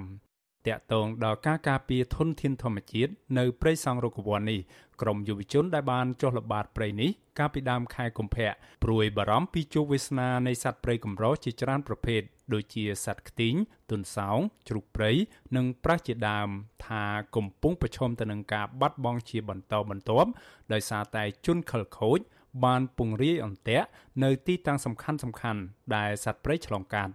រីឯការអនុវត្តច្បាប់របស់អាជ្ញាធរនៅតែខ្វះចន្លោះជាច្រើន និងខ្វះការសហការល្អរវាងប្រជាសហគមន៍និងអាជ្ញាធរពាក់ព័ន្ធជាមួយគ្នានេះក្រុមអ្នកស្រឡាញ់បរិស្ថានធនធានធម្មជាតិនិងសហគមន៍តែងរិះគន់ជាញឹកញយថាការណែនាំរបស់មន្ត្រីជាន់ខ្ពស់រដ្ឋាភិបាលរួមទាំងលោកនាយករដ្ឋមន្ត្រីហ៊ុនសែនផងគ្រាន់តែជាសារធ្វើឲ្យតែល្អមើលតែប៉ុណ្ណោះក៏ប៉ុន្តែក្នុងការអនុវត្តជាក់ស្ដែងវិញ ពជាសហគមន៍តែងត្រូវបានអាជ្ញាធររួមទាំងមន្ត្រីអនុរិយព្រៃរបស់ក្រសួងបរិស្ថានផងរៀបរៀងមិនឲ្យចុះល្បាតព្រៃនៅតំបន់ដែលមានការកាប់បំផ្លាញព្រៃឈើធ្ងន់ធ្ងរដូចជានៅតំបន់ព្រៃឡង់ជាដើម ដែលខុសពីអ្នកកាប់ឈើដែលអាចចេញចូលកាប់ព្រៃបានយ៉ាងងាយស្រួលលើសពីនេះទៀតពជាសហគមន៍ជាច្រើនអ្នកត្រូវបានចាប់ដាក់ពន្ធនាគារឬជាប់បណ្ដឹងនៅតុលាការដោយសារតែការប្រឹងប្រែងការពារព្រៃឈើរបស់ពួកគេ បាឡូណានីងប្រិមម្នាក់ស្ដាប់ជាទីមេត្រីក្រុមអ្នកការពារបរិស្ថានអះអាងថាពួកគាត់បានរកឃើញដើមឈើធំធំបន្សល់ទុកនៅចុងក្រោយជាច្រើនស្ថិតនៅក្នុងដែនជម្រកសត្វព្រៃឡង់ដែលក្រសួងបរិស្ថានចាត់ទុកថាជាតំបន់ស្នូលឬតំបន់ការពារដ៏តឹងរ៉ឹងបំផុតនោះកំពុងទទួលរងនឹងការកាប់រំលំធ្វើអាជីវកម្មពីពេញព្រៃអភិរក្សមួយនេះពីសំណាក់ក្រុមហ៊ុនវៀតណាមឈ្មោះ PNT ក្រុមស្នូលបណ្ដាញសហគមន៍ព្រៃឡង់មួយក្រុមបានលបឆ្មក់ចុះល្បាតប្រទះឃើញកម្មកររាប់រយនាក់ប្រដាប់ដោយរណាយន្តស្ទើរគ្រប់ដៃកំពុងពង្រាយពេញព្រៃឡង់ដើម្បីកាប់ឈើធំធំ ដឹកចូលការដ្ឋានក្រុមហ៊ុនវៀតណាមមួយនេះដែលមានទីតាំងស្តុកឈើខ្នាតធំ ជាប់នៅព្រៃឡង់នៅក្នុងស្រុករវៀងខេត្តព្រះវិហារបាទលោកនាងនឹងបានស្ដាប់សេចក្តីរាយការណ៍ពីស្ដាមពីរឿងនេះនាពេលបន្តិចទៀតនេះ បាទលោកនាងប្រិមម្នាក់ស្ដាប់ជាទីមេត្រីព័ត៌មានដាច់ដライមួយទៀតក្រុមអ្នកធ្វើការងារតាក់ទងនឹងថ្ងៃ14កុម្ភៈនិងយុវជន លើកឡើងថាយុវជនសប្តាហ៍ថ្ងៃមានការយល់ដឹងច្រើនអំពីអត្តន័យពិតប្រាកដនៃថ្ងៃក្តីស្រឡាញ់14កុម្ភៈទោះយ៉ាងណាពួកគាត់នៅតែជំរុញឲ្យរដ្ឋាភិបាលឬស្ថាប័នពាក់ព័ន្ធផ្សព្វផ្សាយបន្ថែមទៀតដើម្បីកុំឲ្យយុវជន ចាត់ទុកថាថ្ងៃ14កុម្ភៈគឺជាថ្ងៃក្តីស្រឡាញ់របស់គូសង្សារ បាទអ្នកស្រីខែសណងរាយការណ៍ព័ត៌មាននេះពីរដ្ឋធានី Washington ទោះតិចឬច្រើននៅពេលដល់ថ្ងៃ14កុម្ភៈម្ដងម្ដងយុវជនមួយចំនួនបានជូនផ្កាឲ្យគ្នា ជូនកាដូគ្នាជូនពរគ្នាទៅវិញទៅមកព្រមទាំងចំណាយពេលដើរកំសាន្តជាមួយគូស្នេហ៍និងមិត្តភ័ក្តិដើម្បីបង្ហាញក្តីស្រឡាញ់ប្រធានសមាគមបណ្ដាញយុវជនកម្ពុជាហៅកាត់ថា CYN លោកអុលវ៉ាន់សង្កេតឃើញថានៅមានយុវជនមួយចំនួនមិនទាន់យល់ដឹងទូលំទូលាយនៅអត្តន័យនៃថ្ងៃក្តីស្រឡាញ់14កុម្ភៈនៅឡើយទេលោកថាក្តីស្រឡាញ់មិនមែនសម្រាប់តែដៃគូសង្សារនោះឡើយប៉ុន្តែសម្រាប់ក្រុមគ្រួសារ ឪពុកម្ដាយគ្រូបង្រៀននិងសង្គមជាតិហើយក៏មិនមែនមានតែមួយថ្ងៃគឺថ្ងៃ14កុម្ភៈនោះដែរយុវជនរូបនេះជំរុញឲ្យស្ថាប័នពាក់ព័ន្ធពិសេសក្រសួងអប់រំគួរតែមានការផ្សព្វផ្សាយអប់រំឬកំណត់យកថ្ងៃ14កុម្ភៈជាថ្ងៃប្រឡងវិញ។ ហើយដោយសារតែសកម្មភាពនៃការធ្វើភ្លើងជួលធ្វើភ្លើនជួលជ្រើមក្នុងការប្រារព្ធថ្ងៃ14កុម្ភៈរវាងយុវវ័យហ្នឹងសំដៅតែទៅលើការសម្ដែងនៃសេចក្តីស្រឡាញ់ចំពោះដៃគូជាសង្សារឬក៏ជាស្នេហារវាងគ្នានឹងគ្នាធ្វើឲ្យអាណាព្យាបាលក៏ដូចជាអ្នកពាក់ព័ន្ធនឹងមានការព្រួយបារម្ភចំពោះការប្រព្រឹត្តឬក៏ការធ្វើនៅទង្វើខុសឆ្គងមួយចំនួនដែលធ្វើឲ្យប៉ះពាល់ទៅដល់ពួកគាត់ដែលជាយុវជនវ័យក្មេងនឹងបាទ ស្រដៀងគ្នានេះដែរអ្នកស្រាវជ្រាវអំពីថ្ងៃ14កុម្ភៈលោកតុងសុប្រាជឲ្យវិទ្យុអាស៊ីសេរីដឹងថាការស្រាវជ្រាវរបស់លោក នៅរយៈពេលចុងក្រោយនេះយុវជនមានការកែប្រែអរិយាប័ត្រច្រើន លោករំលឹកថាកាលពី15ឆ្នាំមុនយុវជនភៀកច្រើន បានហៅថ្ងៃ14កុម្ភៈថាជាថ្ងៃបុណ្យសង្សារនិងបានបូជាខ្លួនប្រាណទៅឲ្យដៃគូសង្សាររបស់ពួកគេនៅក្នុងថ្ងៃនោះប៉ុន្តែមកដល់ពេលនេះមានយុវជនត្រឹមតែ5%ប៉ុណ្ណោះដែលនៅគិតដូច្នេះ មានការថយចុះគាត់ហាក់បីដូចជាចាស់ទុំជាងមុនគាត់ហាក់បីដូចយល់ដឹងបានច្រើននៅការប្រព្រឹត្តរបស់ពួកគាត់ហាក់បីដូចជាមិនឈូឆរបង្ហាញដោយការពី10ជាងឆ្នាំមុនណាសង្ឃថាយើងអាចនិយាយថា15ឆ្នាំមុនបាទឃើញខុសគ្នាស្រឡះហ្នឹងហើយឃើញអ្វីដែលយើងសង្កេតឃើញបាទ លោកតុងសុប្រាជលើកឡើងទៀតថាមូលហេតុដែលធ្វើឲ្យយុវជនមានការផ្លាស់ប្ដូរអេរយាប័តនេះព្រោះមានការចូលរួមពីអ្នកពាក់ព័ន្ធរួមមានរដ្ឋាភិបាល អ្នកស្រាវជ្រាវប្រព័ន្ធផ្សព្វផ្សាយក្រុមគ្រួសារនិងការរិះគន់តាមបណ្ដាញសង្គមជាដើម ទោះជាបែបនេះក្តីអ្នកស្រាវជ្រាវរូបនេះនៅតែរំលឹកយុវជនមួយចំនួនតូចដែលមានបំណងជួបគូស្នេហ៍ក្នុងថ្ងៃ14កុម្ភៈនេះក្នុងពេលជំងឺ Covid-19 កំពុងរាតត្បាតដោយសពថ្ងៃនេះថាជាហានិភ័យនៃការឆ្លងរាលដាលជំងឺ Covid-19 ត្រូវតែប្រុងប្រយ័ត្នយុវវ័យគាត់បើឆ្លោះឆ្លួយមួយគឺគាត់គាត់ជួបគ្នាអត់បានរួមពេកក៏គាត់អាចឆ្លងអូមីក្រុងដែរណាគេកូវីដដែរអញ្ចឹងកន្លែងហ្នឹងត្រូវទៅប្រយ័ត្នទាំងមួយ step ទី2ហ្នឹងចំណុចចំណុចទី2ហ្នឹងគឺតើតើនឹងការរួមពេកបើគាត់ជ្រួជ្រួសជាការរួមក្នុងការរួមពេកគាត់ត្រូវតែប្រើប្រាស់ស្រោមអនាម័យដើម្បីបង្ការការពារ ជុំវិញបញ្ហានេះវិទ្យុអាស៊ីសេរីមិនអាចសុំការអធិប្បាយពីអ្នកនាំពាក្យក្រសួងអប់រំយុវជននិងកីឡា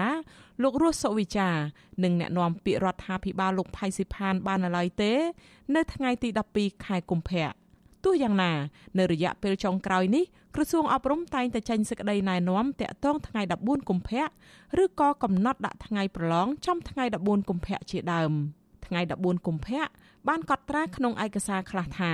មានដើមកំណើតមកពីលោក Sans Valentine ជាជនជាតិរ៉ូម៉ាំងម្នាក់ដែលបានបាត់បង់ជីវិតដោយសារតែការប្រឆាំងដាច់ខាតមិនលះបង់ជំនឿទៅលើព្រះយេស៊ូវគ្រីស្ទហើយបរិះនេះបានទទួលមរណភាពនៅថ្ងៃទី14ខែកុម្ភៈប៉ុន្តែឆ្នាំមានការសរសេរខុសៗគ្នា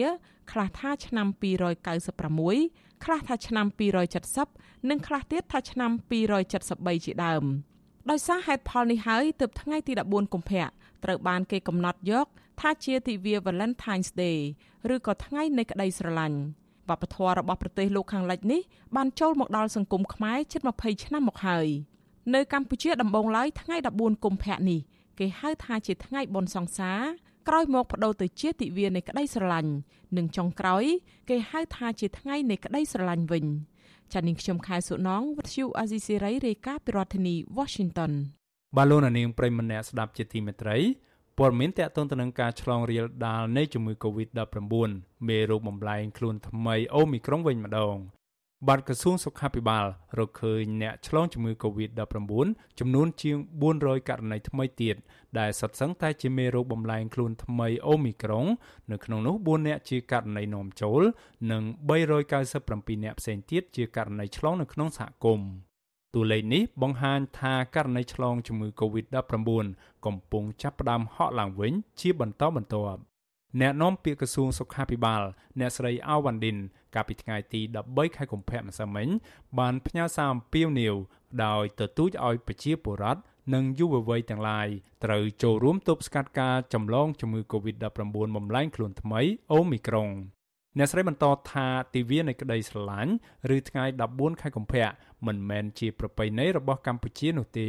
ដូច្នេះប្រជាពលរដ្ឋ ជាពិសេសយុវវ័យត្រូវបង្កើនសកម្មភាពចូលរួមអនុវត្តវិធានការសុខាភិបាល3ការពារនិង3កុំព្រមទាំងនាំមនុស្សជាទីស្រឡាញ់របស់ខ្លួនទៅចាក់វ៉ាក់សាំងជាពិសេសដូសទី3ឬដូសជំរុញឲ្យបានគ្រប់គ្រប់គ្នា ដើម្បីបង្ហាញពីក្តីស្រឡាញ់ពិតៗជូនពួកគាត់គិតត្រឹមព្រឹកថ្ងៃទី13ខែកុម្ភៈកម្ពុជាមានអ្នកកើតជំងឺ Covid-19 ប្រមាណ120,000នាក់ នៅក្នុងនោះអ្នកជាសះស្បើយមានជាង110,000នាក់និងអ្នកស្លាប់មានចំនួន3015នាក់ក្រសួងសុខាភិបាលប្រកាសថាគិតត្រឹមថ្ងៃទី12ខែកុម្ភៈរដ្ឋាភិបាលបានចាក់វ៉ាក់សាំងគ្រប់ដូសជូនប្រជាពលរដ្ឋបានជាង13លាន7សែននាក់នៅក្នុងចំណោមពលរដ្ឋដែលត្រូវចាក់ប្រមាណ14លាននាក់ដែលរាប់ចាប់ពីកុមារអាយុចាប់ពី5ឆ្នាំរហូតដល់មនុស្សពេញវ័យ រីឯដូសជំរុញទី3និងទី4វិញរដ្ឋាភិបាលចាក់ជូនប្រជាពលរដ្ឋបានសរុបជាង6លាននាក់បាឡូណានាងប្រិមម្នាក់ស្ដាប់ជាទីមេត្រីព័ត៌មានតកតងទៅនឹងការចាប់បញ្ជូនជនជាតិថៃវិញម្ដងបាទអាញាធរកម្ពុជា បានចាប់បញ្ជូនជនជាតិថៃសរុប21នាក់ដែលជាក្រុមរកស៊ីឆោបោកទៅស្រុកថៃវិញហើយកាលពីថ្ងៃទី13ខែកុម្ភៈម្សិលមិញ សារព័ត៌មានបាងកកប៉ុស្តិ៍របស់ថៃផ្សាយជាភាសាអង់គ្លេសឲ្យដឹងថាជនជាតិថៃទាំង21នាក់នេះត្រូវបានសមត្ថកិច្ចខ្មែរនិងថៃកាលពីថ្ងៃទី11ខែកុម្ភៈរួមគ្នាសម្រុកចោះចាប់នៅទីតាំង3ផ្សេងគ្នាទីតាំងទី1គឺនៅសន្តាគារ YN នៅរាជធានីភ្នំពេញចាប់បាន2នាក់មួយទៀតគឺនៅអាគារ4ជាន់នៅទល់មុខកាស៊ីណូ Soka Vegas នៅខេត្តព្រះសីហនុ ចាប់បាន6នាក់និងទីតាំងចុងក្រោយគឺនៅខេត្តព្រះសីហនុដែរតែនៅការិយាល័យ China Town GM ចាប់បាន13នាក់ប្រភពដដែលឲ្យដឹងទៀតថានៅភ្នំពេញជនជាតិថៃទាំងពីរនាក់នោះបានបោកប្រាស់ជនជាតិថៃគ្នាឯងឲ្យដាក់ប្រាក់រកស៊ីទិញទ្រព្យ Digital ដែលនាំឲ្យខូចខាត ឬបាត់បង់អស់ប្រាក់ប្រមាណជាង6សែនដុល្លាររីឯនៅក្រុងព្រះសីហនុជនសង្ស័យទាំងនោះ ពួកគាត់ធ្វើការឲ្យជនជាតិចិន ដើម្បីបោកប្រាស់ប្រាក់ពីជនជាតិថៃពួកគេយកអាគារជាន់លើបំផុត ធ្វើជាការិយាល័យនិងជាមជ្ឈមណ្ឌលប្រតិបត្តិការឈប់បោកប្រាក់តាមទូរស័ព្ទទំហំទឹកប្រាក់ពួកគាត់បានឈប់បោកជនជាតិថៃ មានជិត1លានដុល្លារអ្នកទាំងនេះនឹងត្រូវបញ្ជូនទៅប្រទេសថៃវិញតាមរយៈមន្ត្រីអន្តោប្រវេសន៍ថៃតាមច្រកអន្តរជាតិប៉ោយប៉ែតឆ្ពោះទៅកាន់ខេត្តស្រះកែវនៃប្រទេសថៃ ពួកគេនឹងត្រូវប្រឈមនឹងការកាត់ទោសពីបទសំគំនិត ប្រព្រឹត្តបទឧក្រិដ្ឋឆ្លងដែននិងបទល្មើសមួយចំនួនទៀតបាឡូណានាងប្រិមម្នាក់ស្ដាប់ជាទីមេត្រី មេដឹកនាំគណៈបពប្រឆាំងនឹងអ្នកប្រើប្រាស់បណ្ដាញសង្គម Facebook មួយចំនួនបាននាំគ្នាសរសេរសាររិះគន់លោកនាយករដ្ឋមន្ត្រីហ៊ុនសែនប្រងព្រាតដែលបានទៅទទួលពានរង្វាន់សន្តិភាពពីអង្គការក្រៅរដ្ឋាភិបាលមួយនៅប្រទេសកូរ៉េខាងត្បូងតាមរយៈកិច្ចប្រជុំកំពូលពិភពលោកឆ្នាំ2022របស់អង្គការមូលនិធិសន្តិភាពសុនហៈដែលគេមិនសូវស្គាល់ឈ្មោះពួកគេថាពានរង្វាន់ដែលមានឈ្មោះថាសន្តិភាពនេះ មិនឆ្លុះបញ្ចាំងពីតថភាពជាក់ស្ដែងនៅក្នុងសង្គមកម្ពុជាបច្ចុប្បន្ននិងសកម្មភាពពិតប្រាកដរបស់លោកហ៊ុនសែនក្នុងភាពជាមេដឹកនាំដែលស្វែងរកសន្តិភាពពិតប្រាកដជូនមាតុភូមិនោះឡើយ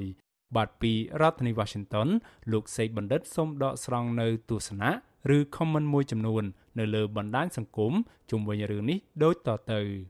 លោកសំរាំងស៊ីប្រធានស្ដីទីគណៈបកសង្គ្រោះជាតិ បានសរសេរសាររិះគន់លោកនាយករដ្ឋមន្ត្រីហ៊ុនសែនអំពីការទទួលបានពានរង្វាន់សន្តិភាព នៅលើទំព័រ Facebook របស់លោកថាក្រមមនុស្សមិនគ្រប់ទឹកផ្ដល់ពានរង្វាន់សន្តិភាពឈួតឈួតទៅឲ្យហ៊ុនសែនលោកសំរាស៊ីបានសរសេរអធិប្បាយបន្តថា នៅថ្ងៃទី10កុម្ភៈលោកហ៊ុនសែនបានធ្វើដំណើរទៅប្រទេសកូរ៉េខាងត្បូងដើម្បីទទួលពានរង្វាន់សន្តិភាពឈ្មោះសន្តិភាពសុនហៈតែគួរឲ្យអស់សំណោចពានរង្វាន់នេះ គឺផ្ដល់ដោយអង្គការកូរ៉េមួយឈ្មោះ Universal Peace Federation បង្កើតឡើងដោយមេឆោបោកធ្លាប់ជាប់គុកឈ្មោះសុនបយងមូនដើម្បីឆោបោកប្រជារាស្ត្រខ្មែរថាគាត់ទទួលបានកិត្តិយសដ៏ធំធេងលើឆាកអន្តរជាតិលោកថាលោកហ៊ុនសែនទំនងជានឹងបង្ខំព្រះមហាក្សត្រឲ្យអបអរសាទរពានរង្វាន់មួយនេះ ដែលគ្មានអ្នកណាឲ្យតម្លៃតតែសោះខមមិនឆ្លើយតបនឹងទស្សនៈយល់ឃើញរបស់លោកសំរាស៊ីនេះ ម្ចាស់ករណី Facebook ឈ្មោះលៀងស្រីរស់បានសរសេរតបថា ពាក្យស្លោកពីបុរាណអត់ខុសទេ នាងរត់រោគអ្នកខាតលាក់រត់រោគអកបៈអង្សាចំណែកម្ចាស់ករណី Facebook មួយទៀតឈ្មោះលីប៉ៅធានក៏បានសរសេរដែរថា ស្លាកសន្តិភាពក្រោមទឹកភ្នែករាសគ្រប់ទីកន្លែង នេះឬសន្តិភាពរីឯម្ចាស់ករណី Facebook ឈ្មោះគឹមឈូនឈៀក៏ចូលរួមខមមិនដែរថា អ្នកឲ្យមិនគ្រប់អ្នកទទួលឈួតនឹងអំណាចដោយឡែកម្ចាស់ករណី Facebook មួយទៀតឈ្មោះស្រីនិត បានដាក់ជាចម្ងល់ថាមិនដឹងជាជួលពួកនឹងអស់លុយប្រមាណទេលោកអើយសំដែងដូចមិនទំនងសោះចំណែកម្ចាស់ករណី Facebook ឈ្មោះកសលពិនវិញក៏បានឆ្លើយតបទៅនឹងសាររបស់លោកសំរាស៊ីដែរថាតលតែមានមុខរបរជាជនផ្ដាច់ការដូចគ្នា បានមានទឹកចិត្តជួយលើកតម្កើងគ្នាកើត ចំណែកក្រុមអ្នកប្រើប្រាស់បណ្ដាញសង្គមផ្សេងទៀតក៏បានសរសេរសាររិះគន់ជុំវិញដំណឹងដែលផ្សាយអំពីលោកហ៊ុនសែនទទួលបានពានរង្វាន់សន្តិភាពនេះដែរដោយចាត់ទុកថាសន្តិភាពសពថ្ងៃជាសន្តិភាពក្នុងគុកច្រវាក់ក្រៅពីការបញ្ចេញមតិរិះគន់ចំពោះពានរង្វាន់សន្តិភាពនេះក៏មានមតិលើកសរសើរនិងអបអរសាទរដែរម្ចាស់ករណី Facebook ឈ្មោះសាវុតសំបានសរសេរឆ្លើយតប ដោយលើកសរសើររដ្ឋាភិបាលលោកហ៊ុនសែននិងហាក់អន់ចិត្តចំពោះមតិរិះគន់បន្តបង្អាប់ចំពោះពានរង្វាន់ដែលលោកហ៊ុនសែនបានទទួលមកនេះសាវុតសំសរសេរថា កោតសរសើរខ្មែរហើយមើលងាយខ្មែរប្រទេសយើងក្រោយចប់សង្គ្រាម មនុស្សមកពីគ្រប់បកគ្រប់ស្រទាប់បានរស់ក្រោមរដ្ឋាភិបាលមួយមិនល្អណាស់ណាទេតែអត់សង្គ្រាមកាប់សម្លាប់អស់រយៈពេលជាង40ឆ្នាំ អ្នកប្រគល់ពានរង្វាន់គេអត់ល្ងងទេកុំមើលងាយគេដោយឡែកម្ចាស់ករណី Facebook ឈ្មោះផានគឹមវិញ ហាក់មើលមិនឃើញពីគុណតម្លៃដែលលោកហ៊ុនសែនទទួលបាននោះសោះឡើយផានគីមបានសរសេរខមមិនតបទៅនឹងរឿងនេះដែរថាពានរង្វាន់នេះគឺជាពានរង្វាន់មីរហនអារហនទើបផ្សំនឹងរហ័សនាមរបស់លោកហ៊ុនសែនដែលមានបាតដៃប្រឡាក់ទៅដោយឈាមរបស់ប្រជាពលរដ្ឋខ្មែរជាច្រើនរាប់សិបអស់ ហើយក៏រួមជាមួយនឹងវីរៈបរោះខ្មែរជាច្រើនរូបផ្សេងទៀតដែលគេបានលួចធ្វើឃាតហើយមិនអាចរកមុខឃាតករឃើញរហូតដល់សពថ្ងៃនេះចំណែកម្ចាស់ករណី Facebook ឈ្មោះសួសកៃឡារិទ្ធបានបញ្ចេញទស្សនៈដែរថា ជាពានរង្វាន់ដែលខានសម្រាប់ខ្មែររយៈពេល3ឆ្នាំកន្លងមកដោយឡែកម្ចាស់ករណី Facebook ផ្សេងទៀតក៏បានបន្តឆ្លើយតបនឹងរឿងនេះដែរថាគេឲ្យដោយខ្វាក់ភ្នែកទេ ការពិត ប្រជាជនដាក់រហ័សស្តៀមថា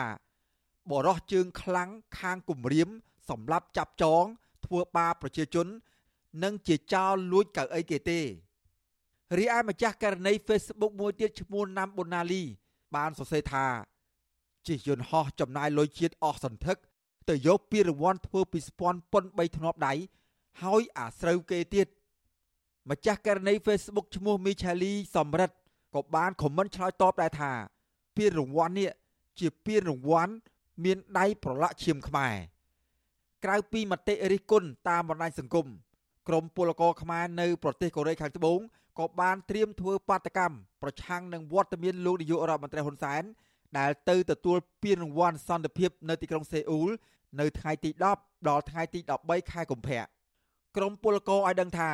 ពួកគេជួបជុំគ្នានៅថ្ងៃសៅរ៍ទី12និងថ្ងៃអាទិត្យទី13កុម្ភៈ ដើម្បីធ្វើបាតកម្មដោយអហិង្សា ដោយមានដុតភ្លើងទៀន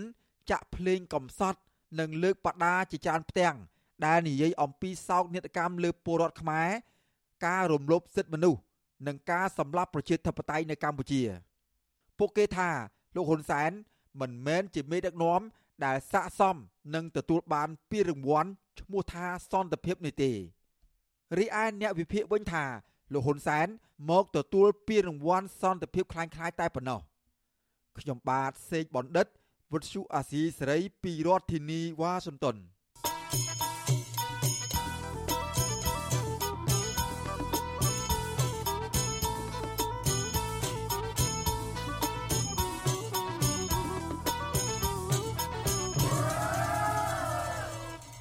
បាឡូណានាងប្រិមនអ្នកស្ដាប់ជាទីមេត្រី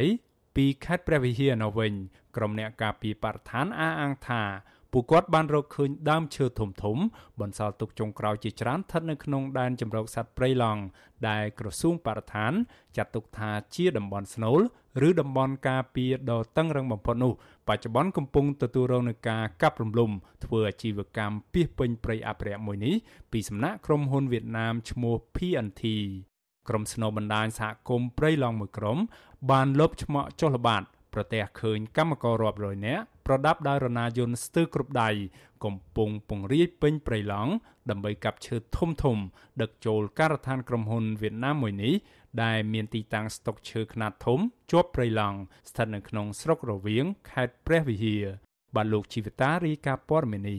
ប្រជាសហគមន៍ព្រៃឡង់ខេត្តព្រះវិហារ30នាក់ បែងចែកជា4ក្រុម បានលបចុះល្បាតព្រៃឡង់នៅពេលយប់រយៈពេល4ថ្ងៃ ចាប់ពីថ្ងៃទី2ដល់ថ្ងៃទី4ខែកុម្ភៈហើយបានរកឃើញផុសតាងជាច្រើន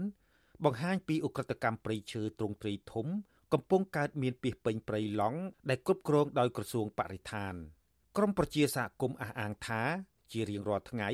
មានគោយន្តយ៉ាងហោចណាស់40គ្រឿងនិងរថយន្តកែច្នៃ6គ្រឿងត្រូវបានគេប្រើប្រាស់ជាមធ្យោបាយដឹកឈើរាប់រយម៉ែត្រគប់ចេញពីព្រៃឡង់ចូលក្នុងការដ្ឋានក្រុមហ៊ុនវៀតណាម PNT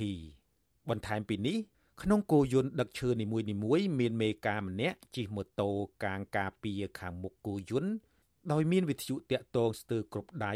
ដើម្បីផ្ដល់ព័ត៌មានទៅអ្នកកាប់ឈើឲ្យប្រុងប្រយ័ត្នខ្ពស់ ប្រសិនបើមានសមត្ថកិច្ចចុះអនុវត្តច្បាប់ដល់ទីតាំងប្រជាសហគមន៍បានសម្ភាសកម្មករក្រុមហ៊ុនម្នាក់ដែលកំពុងកាប់ឈើក្នុងព្រៃឡង់ដោយគាត់អះអាងថាក្រុមរបស់ពួកគាត់បានស៊ីឈ្នួលកាប់ឈើក្នុងព្រៃឡង់លក់ឲ្យក្រុមហ៊ុនរយៈពេល2ឆ្នាំមកហើយដោយក្នុងមួយថ្ងៃពួកគាត់ដឹកឈើចូលក្រុមហ៊ុនចាប់ពី10ម៉ែត្រគូបទៅ15ម៉ែត្រគូបលោកបញ្ជាក់ថាមេការរបស់ពួកលោកឈ្មោះចាបសរនជាមន្ត្រីកងរាជអាវុធហត្ថលើផ្ទៃប្រទេស បានចេញមុខការការពារសវត្ថភាពឲ្យក្រុមអ្នកស៊ីឈ្នួលអាឈើឲ្យក្រុមហ៊ុនទាំងអស់អញ្ចឹងក្នុងមួយមួយថ្ងៃខ្ញុំដឹកចូលក្នុងក្រុមខ្ញុំហ្នឹងដឹកដឹកចូលចំនួន10គីបទៅ5 10គីបឲ្យក្រុមហ៊ុន TNT ហ្នឹងហើយដែលអ្នកដឹកនាំខ្ញុំរាល់ថ្ងៃហ្នឹងឈ្មោះចាប់សរនដែលខ្ញុំធ្វើការកាប់បំផ្លាញរាល់ថ្ងៃហ្នឹងដោយក្រុមហ៊ុនអ្នកបញ្ជាហ្នឹងគេអ្នកធានាផ្លូវឲ្យយើងរាល់ថ្ងៃហ្នឹងចូលធ្វើប្រហែលជា40គូយន្តដែរ នៅបន្តរហូតបូគេឲ្យយើងធ្វើចង់និយាយថាយើងការខ្វះខាតដែរយើងខ្ចីលុយគេក៏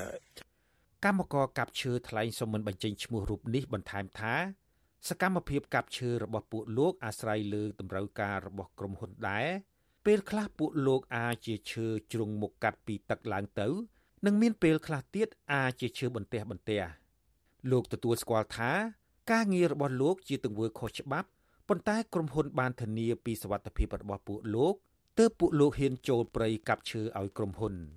ក្រុមល្បាតព្រៃឡង់បន្ថែមថាបេសកកម្មចុះល្បាតព្រៃនេះពួកគេបែងចែកជាច្រើនក្រុមដោយចេញដំណើរនៅពេលយប់ហើយឈប់សម្រាកជួបគ្នានៅចំណុចមុំ3កណ្ដាលព្រៃឡង់នៅម៉ោង12យប់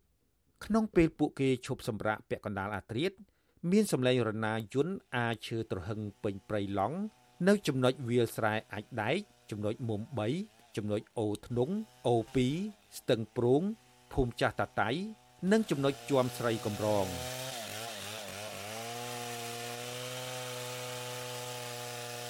ប្រជាសហគមន៍អះអាងថាតំបន់ព្រៃឡង់ដែលក្រមជនល្មើសកំពុងកាប់បំផ្លាញព្រៃឈើជាជំរកសត្វព្រៃរស់នៅជាច្រើនប្រភេទនិងដែលជាតំបន់អ្នកភូមិរកអនុផលព្រៃឈើនោះកំពុងប្រឈមការបាត់បង់ទាំងស្រុងនៅពេលដ៏ខ្លីខាងមុខនេះ រីឯពលរដ្ឋមូលដ្ឋាន ដែលមានដើមឈើផលិតជ័រទឹករាប់រយដើមនៅតំបន់នោះបានត្អូញត្អែថាដើមច្បោះជ័ររបស់ពួកគេត្រូវក្រុមហ៊ុនកាប់បំផ្លាញអស់ហើយ។សមាជិកបណ្ដាញសហគមន៍ព្រៃឡង់ខេត្តព្រះវិហារលោកស្រីថៃសង្ស័យថាមន្ត្រីបរិស្ថាន និងមន្ត្រីរដ្ឋបាលព្រៃឈើនៅតែខុបខិតគ្នាជាមួយក្រុមហ៊ុនវៀតណាមមួយនេះក្នុងការកាប់បំផ្លាញព្រៃឡង់ទ្រង់ទ្រីធំធ្វើអាជីវកម្មតាំងពីឆ្នាំ2021ដោយគ្មានការអនុវត្តច្បាប់ បើទោះជាពួកលោកបង្ហាញផុសតាងរាប់មិនអស់ក្តីលោកបបួលក្រសួងបរិស្ថាននិងក្រសួងកសិកម្មចុះពិនិត្យព្រៃឡង់ទាំងអស់គ្នា ដើម្បីរកការពិតដោះស្រាយវិបត្តិបរិស្ថានជៀសវាងឆ្លើយដោះសារដដែលដដែលលោកស្រីថៃទទូចដល់រដ្ឋាភិបាលឲ្យពិនិត្យពីប្រសិទ្ធភាពការងារមន្ត្រីបរិស្ថាន និងមន្ត្រីរដ្ឋបាលព្រៃឈើដែលមានតួនាទីការពារព្រៃឈើតែបែរជានាំគ្នារួមចំណែកជាមួយជនល្មើសបំផ្លាញព្រៃឡង់ទៅវិញ។ៃ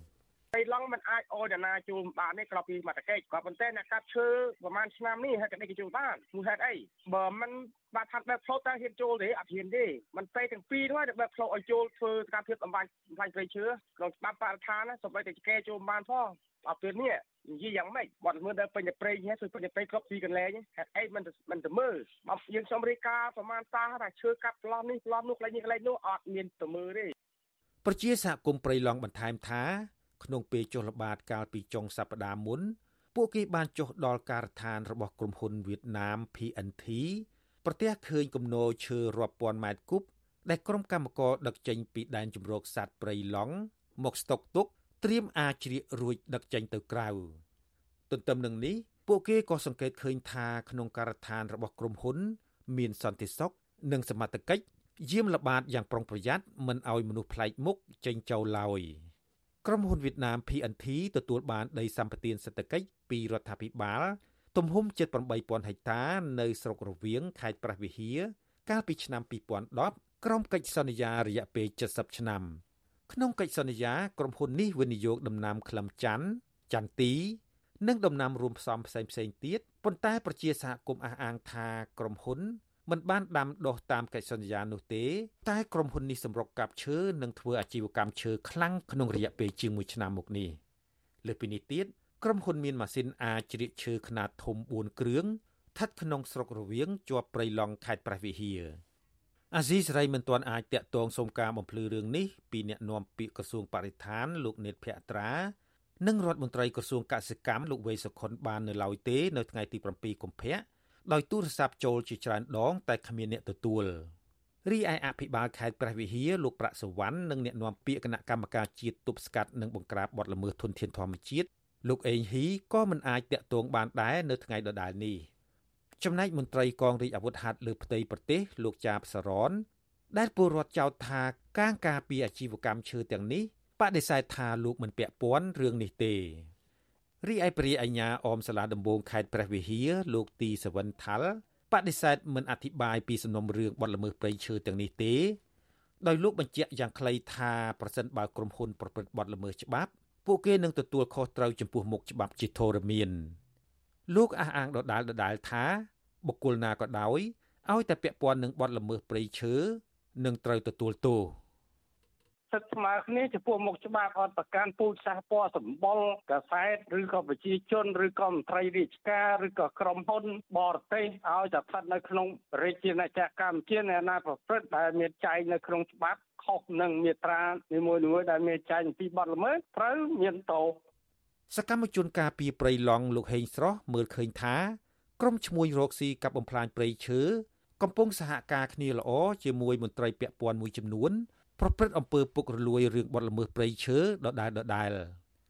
លោកចាត់ទុកបទល្មើសព្រៃឈើទាំងនេះជាកំហុសដ៏ធំមួយរបស់មន្ត្រីឧទ្យានុរក្សនិងអាជ្ញាធរខេត្តព្រះវិហារដែលបិទភ្នែកធ្វើមិនដឹងមិនឮចំពោះវិនាសកម្មព្រៃឈើទាំងនេះ។ ព្រោះបើសិនជាមន្ត្រីជានរៈគាត់មិនអនុញ្ញាតឲ្យពួកទាំងអស់នោះចូលគឺយើងជឿជាក់ថាពួកទាំងអស់នោះគឺអត់អាចចូលនៅក្នុងតំបន់ព្រៃនឹងបានដោយការព្រៃក្រោមការគ្រប់គ្រងរបស់មន្ត្រីជានរៈហើយប៉ុស្តិ៍នីមួយៗគឺច្រកដឹកចេញឈើនីមួយៗគឺសិតស្ទឹងតែមានប៉ុស្តិ៍សមត្ថកិច្ចបកសានត្រួតពិនិត្យថាតើការចេញចូលនៅក្នុងតំបន់ព្រៃហ្នឹងវាចូលទៅដើម្បីអីជុំវិញរឿងនេះសកម្មជនការពីប្រៃឡង់ខេត្តព្រះវិហារម្នាក់ទៀតគឺលោកខែមសុខីអះអាងថា ពួកលោកក្រុងប្រមូលផុសតាងទាំងនេះ ផ្ញើសារទៅក្រសួងបរិស្ថាននិងរដ្ឋាភិបាលរកដំណោះស្រាយជាបន្ទាន់ដើម្បីសង្គ្រោះព្រៃឡង់លោកថាក្រសួងបរិស្ថានគួរតែទទួលស្គាល់ការពិត ហើយដោះស្រាយរឿងនេះឲ្យមានប្រសិទ្ធភាពមិនគួរច្រានចោលរបាយការណ៍ភ្លាមៗដោយគ្មានការស៊ើបអង្កេតច្បាស់លាស់នោះទេការកាប់បំផ្លាញព្រៃឈើក្នុងតំបន់នីមួយៗនៅតែមានការកើតឡើង ហើយយើងគួរតែចុះស្រាវជ្រាវឲ្យបានជាក់លាក់មុននឹងធ្វើការឆ្លើយតប ទៅនឹងអង្គការអ្វីមួយរដំណោះស្រាយមុននឹងឆ្លើយថាពិតមិនពិតយើងត្រូវតែស្វែងយល់បាយការហ្នឹងហើយស៊ើបអង្កេតឲ្យបានច្បាស់លាស់កាលពីថ្ងៃទី28ខែមករាអង្គការលើកលែងទោសអន្តរជាតិ Amnesty International បានផ្សាយរបាយការណ៍ស្រាវជ្រាវថ្មីមួយដោយរកឃើញថាការកាប់ឈើខុសច្បាប់ក្នុងតំបន់ព្រៃការពារធម្មជាតិបង្កើតឲ្យមានការរំលោភសិទ្ធិមនុស្សនិងការលុបបំបាត់ទំនៀមទម្លាប់ជនជាតិដើមភាគតិចនៅកម្ពុជា អង្គការអន្តរជាតិមួយនេះជំរុញឲ្យរដ្ឋាភិបាលបញ្ឈប់ការកាប់ឈើខុសច្បាប់ដោយទប់ស្កាត់ជាបន្ទាន់នៅអំពើពុករលួយ ដែលកំពុងកើតឡើងយ៉ាងច្រើនសន្ធឹកសន្ធាប់របាយការណ៍បង្ហាញថាប្រទេសកម្ពុជាទទួលរងការកាប់បំផ្លាញព្រៃឈើខ្ពស់ជាងគេនៅលើពិភពលោកក្នុងរយៈពេលប្រមាណទសវត្សរ៍ចុងក្រោយនេះដោយបានបាត់បង់ព្រៃឈើប្រមាណ64%នៃគម្របដើមឈើចាប់តាំងពីឆ្នាំ2011រហូតដល់បច្ចុប្បន្ន អង្គការលើកលែងទោសអន្តរជាតិ Amnesty International បានកណនាពីចម្ងាយដោយប្រើប្រព័ន្ធទិន្នន័យកាលពីពេលថ្មីៗនេះរកឃើញថាគម្របព្រៃឈើទំហំ6271ហិកតាស្ថិតក្នុងដែនជម្រកសត្វព្រៃឡង់និងព្រៃព្រះរកាត្រូវបានកាប់បំផ្លាញនៅក្នុងឆ្នាំ2021លើសពីនេះមូលហេតុចម្បងដែលនាំឲ្យមានការកាប់ឈើខុសច្បាប់ គឺការប្រព្រឹត្តអំពើពុករលួយរបស់អាជ្ញាធរពាក់ព័ន្ធ ប៉ុន្តែអ្នកនាំពាក្យក្រសួងបរិស្ថានលោកនេតភក្ត្រា បានច្រានចោលរបាយការណ៍នេះដោយលោកអះអាងថាគ្មានមូលដ្ឋាន និងគ្មានភស្តុតាងច្បាស់លាស់ទោះជាយ៉ាងណាក៏ដោយចុះប្រជាសហគមន៍អះអាងថាឈើមូលធំធំដែលកម្មករក្រុមហ៊ុនវៀតណាមកាប់ពង្រាយពេញព្រៃឡង់ដើម្បីធ្វើអាជីវកម្មនោះភាគច្រើនជាឈើកគី ស្រឡៅពពេលផ្ដៀកនិងដើមច្បោះជ័រជាដើមលើសពីនេះទៀតដែនជំរកសត្វព្រៃឡង់ ដែលនៅសេសសល់ដើមឈើធំធំចុងក្រោយគេស្ថិតនៅចំណុចមុំ3ដែលជាទីប្រសពគ្នារវាងខេត្តកំពង់ធំ ស្ទឹងត្រែងនិងខេត្តព្រះវិហារនោះកំពុងប្រឈមនឹងវិនាសកម្មហិនហោចទាំងស្រុងខ្ញុំជីវិតាអាស៊ីសេរី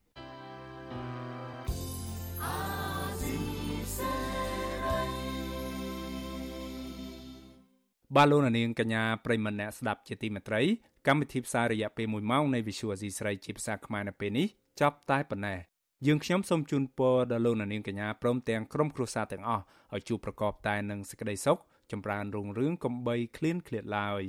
ខ្ញុំបាទមេរិតព្រមទាំងក្រុមការងារទាំងអស់នៃ Visual Asia ស្រីសូមអរគុណនិងសូមជម្រាបលា